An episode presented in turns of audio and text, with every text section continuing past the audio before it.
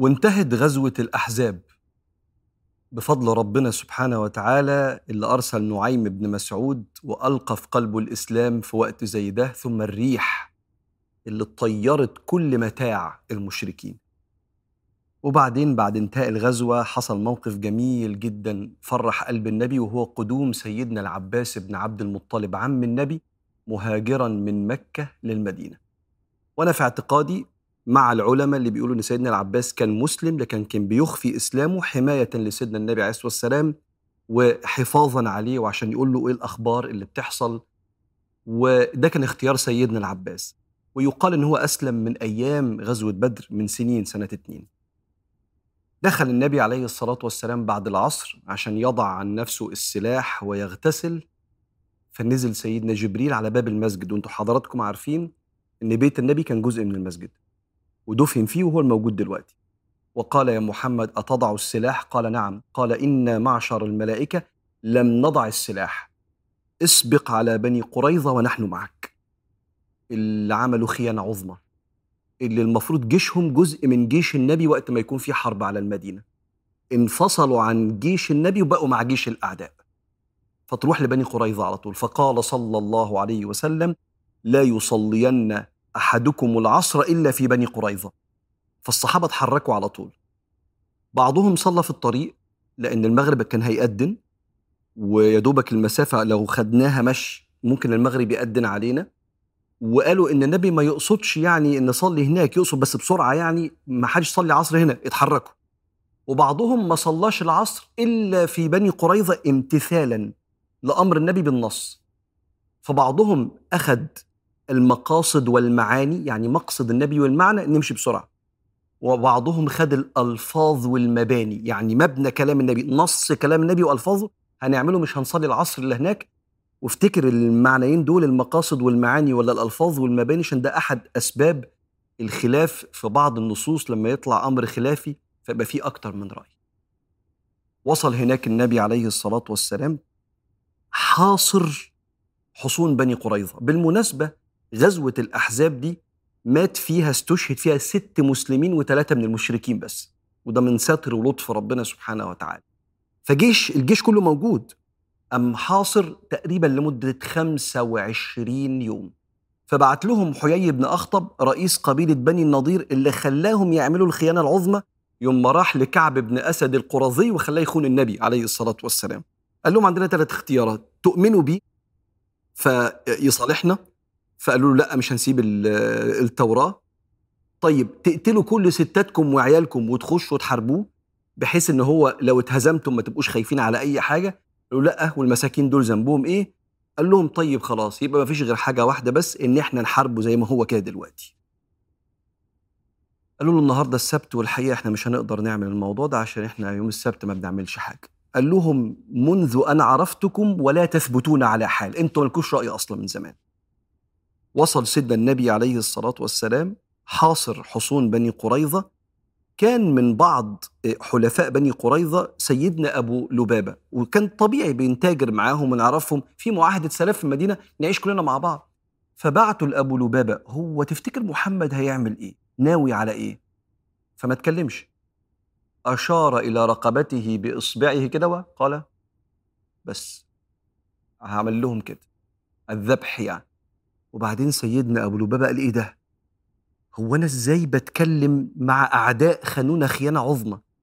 وبقول لهم معلومات فكأنه شعر إنه يعني نقض عهد النبي فقام رايح على المسجد النبوي وقام رابط إيديه في سارية عمود من المسجد وقال والله لا أتحرك حتى أعلم ماذا يريد الله مني ورسوله. هو النبي هو اللي يسامحني ربنا بقى يعمل إيه؟ أنا غلطت غلطة كبيرة. فكان النبي يعدي يقول هو ماله أبو لبابة؟ فيحكوا له فيسكت النبي كده حتى يقضي الله فيه أمرا وفضل عشرين يوم رابط إيديه كده حتى نزل القرآن وآخرون اعترفوا بذنوبهم خلطوا عملا صالحا وآخر سيئا عسى الله أن يتوب عليهم. فالنبي بعد قال خلاص نزل فيه قرآن فكوه قال والله أبدا حتى يحلني رسول الله بيديه. وجه النبي فعلا وهو اللي فكه وبشره بتوبة ربنا سبحانه وتعالى. وقف سيدنا النبي عليه الصلاة والسلام ما استحملوش يهود بني قريظة الحصار الطويل ده فبعتوا لسيدنا النبي عليه الصلاة والسلام هننزل على حكمك تحب تعمل إيه؟ فقال لهم هل ترضون بحكم حليفكم؟ قبل الإسلام كان سيدنا سعد بن معاذ سيد الأوس أكبر حليف لبني قريظة إيه رأيكم في سعد بن معاذ؟ قالوا نعم هو ده اللي يقول بس هو ده فسيدنا النبي عليه الصلاة والسلام نده على سعد بن معاذ وكان بيطبب عند ستنا رفيدة من السهم اللي جه في دراعه في عرق كبير وفضل ينزف. فجه سيدنا سعد بن معاذ وهو محمول على حمار وهو يعني في الرمق الأخير زي ما بيقولوا وكان ساعتها الوقت اللي هيستشهد فيه سيدنا سعد بن معاذ. فجه بصعوبة جدا جدا فلما جاء قال صلى الله عليه وسلم قوموا لسيدكم. فالمهاجرين والأنصار قاموا وكان مشهد مهيب في وجود زعماء اليهود إن اللي هيحكم في الخيانة العظمى دلوقتي سيدنا سعد بن معاذ. أنت لازم تحفظ المثال ده لأنه من أشهر الأمثلة في كتب العلماء على احترام أدب الخلاف. سيدنا النبي عليه الصلاة والسلام بعد انتهاء غزوة الأحزاب سيدنا جبريل قال له روح على بني قريظة ما تغيرش لبسك. فقام سيدنا النبي عليه الصلاة والسلام بنفس الهمة دي قال للصحابة لا يصلين أحدكم العصر إلا في بني قريظة. نص الصحابة أو مجموعة منهم صلوا في الطريق لأنهم فهموا من النص النبوي. النبي يقصد بسرعة يعني مش معناها نصلي هناك. يعني بسرعة اتحركوا ما تصلوش هنا. والنص الثاني صلى هناك في بني قريظة بنص كلام النبي مش بمعناه. وسيدنا النبي لما شاف الاثنين لم ينكر على هذا ولم ينكر على هذا. ده مشهد مهم جدا ليه؟ لأن البني آدم بيتوجع جدا لما بيشوف خناقات على ال social media بس من أصحابنا وحبايبنا اللي ما تعلموش الحتة دي. اللي عنده معلومة في الدين بس المعلومة دي تحتمل أكتر من رأي للعلماء للفقهاء للأئمة. فهو واخد بالرأي ده وشغال ضرب نار في كل واحد مش واخد بنفس الرأي بتاعه. وربنا أراد إن في نصوص تبقى قطعية الدلالة. يعني ربنا يقول كده منهج غير معنى واحد. أو سيدنا رسول الله عليه الصلاة والسلام هو معنى واحد ونصوص كتير تبقى تحتمل أكتر من دلالة أكتر من معنى.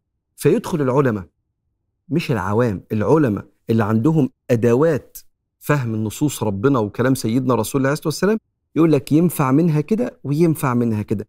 ده باسمه خلاف معتبر خلاف سائغ مقبول يعني.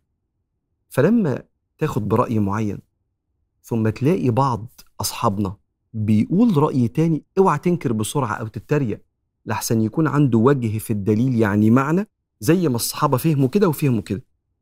الأصعب والأكثر جرأة ويسمحوا لي حبايبي يعني في سوء أدب مع العلماء لما نلاقي مثلا دار الإفتاء منزلة فتوى بالدليل من العلماء وتلاقي شباب تحت كاتبين تحت في التعليقات بطلوا فتي بقى في الدين. يا فندم دول دار الإفتاء. يعني هم الجهه اللي إحنا نقعد تلامذة كده. مش عشان إحنا خانعين وبنسمع الكلام لا هو عشان إحنا مؤدبين وبنحترم العلماء. فلما العلماء يقولوا حاجة الأول افهم الدليل اسأل.